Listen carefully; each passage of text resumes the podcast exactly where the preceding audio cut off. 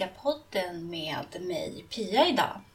Och idag är det dags för ett litet, eh, ja, vad kallar det för ett ADHD-avsnitt, men det berör eh, även andra diagnoser, eh, NPF-diagnoser och även eh, högkänslighet.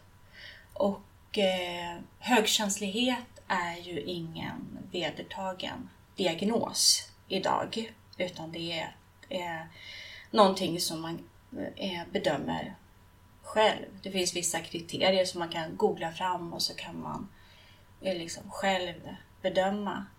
Eh, vissa eh, mediala personer idag tänker att det är en, en form av högkänslighet och det kan jag ju verkligen förstå och eh, på många sätt eh, hålla med om. Att man har en högre känslighet. Så att, eh, men det är ingen vedertagen diagnos på det sättet. Och eh, jag tycker ju, precis som, eh, som vi har pratat om, just det här med om andlighet och politik hör ihop, så tycker jag personligen inte att det gör det. Um, andlighet kan inte lösa politiska frågor. Däremot så om fler personer kanske var, hade en tro på någonting, på något större, så kanske världen skulle se annorlunda ut. Så kan det vara. Men nej, inte, andlighet och politik tycker inte jag hör ihop. Och eh, det är ju ett fritt val. Men eh, ja, det, det, är inte det som jag känner att jag eh, går in och utvecklar när jag går in i andlighet, att försöka lösa världsläget. Så.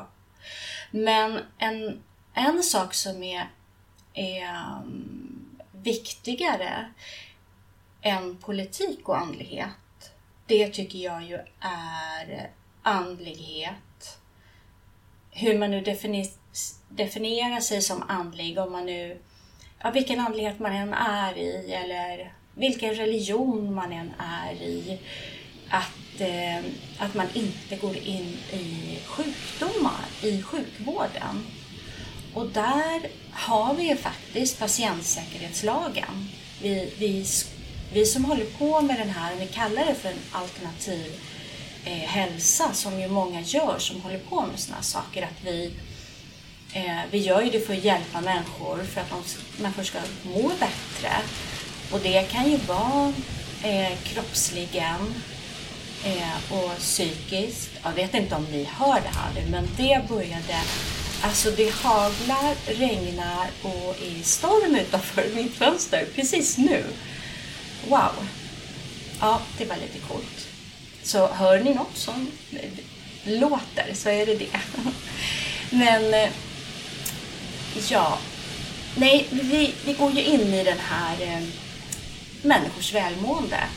Men det är också så att vi lyder under patientsäkerhetslagen. Vi får inte eh, ställa diagnoser och eh, ska vara försiktiga med hur vi uttalar oss. Och, och jag tycker ju att man liksom, det, man kör, alltså jobbar ju med, eh, alltså tillsammans med de människor man träffar eller när man pratar med människor kommer eller har kontakt också med sjukvården. För att det, eh, ja, det finns ju de som är lyckliga som inte behöver gå till sjukvården, men eh, ofta behöver man det.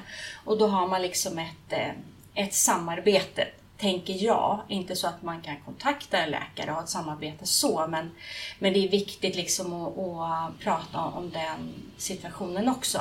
Och där får inte vi gå in och säga åt någon att eh, den inte behöver medicin eller eh, ja, ändra på någonting där. Och det är väl där jag ser det som ett, ett samarbete. Att, att vi liksom tar hänsyn till det och att vi respekterar patientsäkerhetslagen som är väldigt viktig för det kan ju bli väldigt allvarligt om, om vi går in och petar där för människor som behöver den hjälpen som man får från vården. Så, och det ser jag som det här holistiska. Det är liksom att man även tar in sjukvården. Det är liksom, sjukvården är ju, herregud innan vi hade den, hur människor dog alltså av ja, ett sår som man fick in smuts i innan man hade liksom den kunskapen. Tycker jag man, vi glömmer bort lite ibland. Att, vi bara, att det blir väldigt mycket så här att man tar det som är negativt med sjukvården och, och, och sen glömmer hur det faktiskt var 100, 150, 200 år tillbaka i tiden. Så. Eh, och, eh, och jag känner liksom just det här med det här att eh, liksom att inte då vi med diagnoser ska känna oss att vi är lättkränkta eller tycker att eh, vi ska få, ehm, att människor ska förstå oss, vi ska få en massa hjälp. Jag hörde att, att vi är att vi tycker att vi är speciella, speciellt viktiga och sådana här saker. Det är ju och sen, på, och sen det här också att vi är hybrider. Vi är inte ens människor till 100 procent. Och sen så säger samma personer att vi är lättkränkta. Och att eh, vi har inte rätt att känna oss kränkta heller. Utan det här, vi ska bara mm, ja, se över vår egen del i det här. Och det, det, blir ju väldigt, väldigt konstigt när man dels säger att det liksom ligger i det här att det inte finns diagnoser. Att att när jag var liten då hade, hade barn spring i benen och sen gick det bara bort och sen hittade de sin grej i livet. Alltså då, så gick det faktiskt inte till innan, om man tänker på, man bara tar 60, 70, 80-talet det, det var inte så att alla med spring i benen hittade sin grej och sen var det bra. Det var verkligen inte det. Eh, och sen också få att, att liksom få den här hybriddiagnosen satt på sig. Det, det liksom blir ju väldigt, väldigt märkligt. Eh, och här var det också mycket den här jämförelsen om man har dyslexi, då är det jätteviktigt att man får hjälp och sådana saker. Och det är ju självklart. Alla som behöver hjälp ska väl få det, om det är psykiskt eller om det är fysiskt. Men då kan jag ju också bara tala om att det är väldigt många eh, som har de här NPF-diagnoserna när dyslexi är ett eh, symptom. Och, eh, och just det här att det, att det är liksom som att dyslexi är, det är en riktig, det, det, det är ett riktigt problem. Men de här problemen med psykisk ohälsa, att det är känslomässiga, mentala problem som hör hemma inom psykologin. Ja, så är det ju också. Eh, psykologer är ett vedertaget vetenskapligt yrke eh, som, man, som, som många behöver, med, både med diagnoser och utan diagnoser. Och sen är det ju även liksom att det är rent i hjärnan. Alltså det är hormonella saker som, som ställer till det här. Så att det blir ju... Alltså... Att bli beskylld för att, att man är kränkt för att man inte håller med. Eller för att man faktiskt har en kunskap om de här diagnoserna. Att man går på den här vetenskapliga linjen. Och det är inte att jag är kränkt på något sätt. Utan det är helt enkelt att jag tycker att de här människorna har helt fel och dessutom är det väldigt ehm, skadligt och kan vara farligt att gå ut med sådana här saker. Eh, att man har en röst, att man når väldigt många människor. Man sitter inte bara i slutna rum utan man, man når ut till väldigt många människor. Det, det är det som, är, som jag vänder mig mot. Det handlar inte om att jag är kränkt på något sätt. Eh, om, jag, om jag är kränkt så är det bara en bagatell i, i sammanhanget. Det är ingenting som är ens viktigt i det här, för det viktiga är liksom det andra.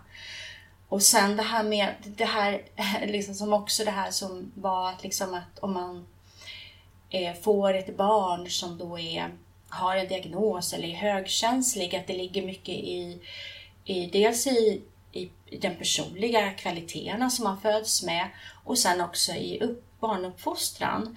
Då tänker jag på det här gamla som fanns på eh, alltså mammor eh, det fanns ett begrepp med kylskåpsmammor. Det var mammor till barn då som, som, hade, som var inom det här autismspektrat. De blev kallade för kylskåpsmammor. Alltså föräldrar har blivit föräldrar till barn då med ADHD, de här med mycket spring i benen som inte kunde sitta still och vara tyst i klassen. Som den ADHD med väldigt mycket H då som märks då blev ju föräldrarna beskyllda för att inte uppfostra sina barn. Och det blir det här som jag tycker, som jag har märkt, att det, det är som att Alltså i andligheten så finns det det här att vi ska gå tillbaka, vi ska, vi ska backa tillbaka i utvecklingen. Vi har varit där när det skylldes på föräldrarna. Och idag vet vi att det är inte föräldrarnas fel, utan det här är väldigt, väldigt ärftligt. Det är en väldigt hög ärftlighet på de här diagnoserna.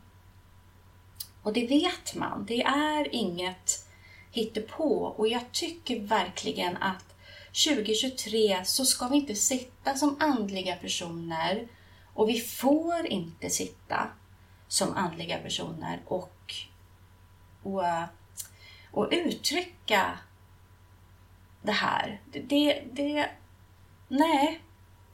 Vi måste vara mer rädda om varandra än, än att eh, än liksom att kasta sådana här saker på varandra. För liksom, var, var drar man gränsen? Alltså vilken, vilka symptom, vilka diagnoser får vara i fred och liksom de här fysiska sjukdomarna som finns. Liksom, när, när, när får man vara i fred med sina diagnoser och respekteras för, för de här utan att, att det ska, hela tiden ska vara det här att ja, men sluta vara ett offer. För det, alltså jag känner ju väldigt många människor med de här diagnoserna. Alltså det, det, det, är inte så de här personerna är. Och de sitter inte i slutna grupper. Utan det här är människor som är ute i samhället. Och de flesta personer med de här diagnoserna, de märks inte. Det är väl en av de de st största liksom, meningarna som man får när man som vuxen ofta kommer ut med diagnoser, eh, liksom 18 och över, det är Nej men inte du, du som gör det här och det här. Så det här, liksom, de här människorna, för jag Ja, nu kommer jag in på det här med hybrider igen. När jag säger människorna, för det är ju det här liksom, de här liksom att vi inte ens är människor på riktigt då, utan att vi är hybrider. Liksom att vi, alltså det finns överallt och det är inga människor som sticker ut eller tycker de är speciella eller speciellt viktiga. Tvärtom, det kommer många negativa känslor med diagnoserna. Eh, och det här är ju, liksom det blir så här, det blir ju ren okunskap av de här andra åsikterna som finns för att liksom det är ju en liksom också en väldigt, väldigt eh, sån här stor symptom ofta med de här diagnoserna att man är, man känner sig verkligen inte viktig. Och det handlar inte om att man inte får hjälp eller människor inte förstår en, utan det är för att man har ofta väldigt mycket svårigheter. Eftersom det är någonting som mycket med hormoner, alltså som inte riktigt, alltså signalsubstanserna, de, de fungerar inte eh, 100% som de ska.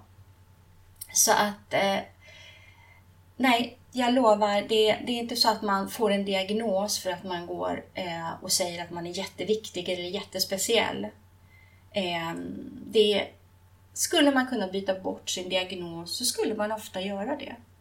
Och samtidigt så, ju mer man lär känna om sin diagnos, ju mer stolt kan man ju bli över de kvaliteter som man har också, såklart. Det är väl... Och, och det är mycket så här, det, det är ju sånt här som de här människorna också säger. Man ska visa respekt till människor, man vill människor väl, eh, man vill hjälpa människor och och, och då, då liksom...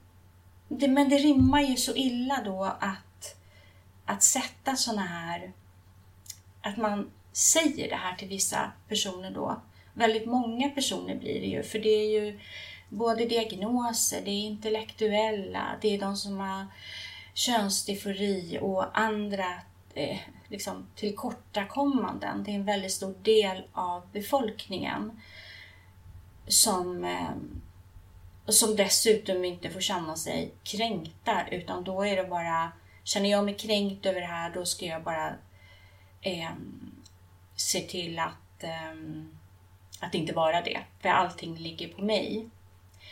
Och jag tycker som liksom man är en andlig lärare så kan man inte bara säga att eh, det jag, jag, jag får säga vad jag vill. Du kan inte bli kränkt av det. För det är upp till dig.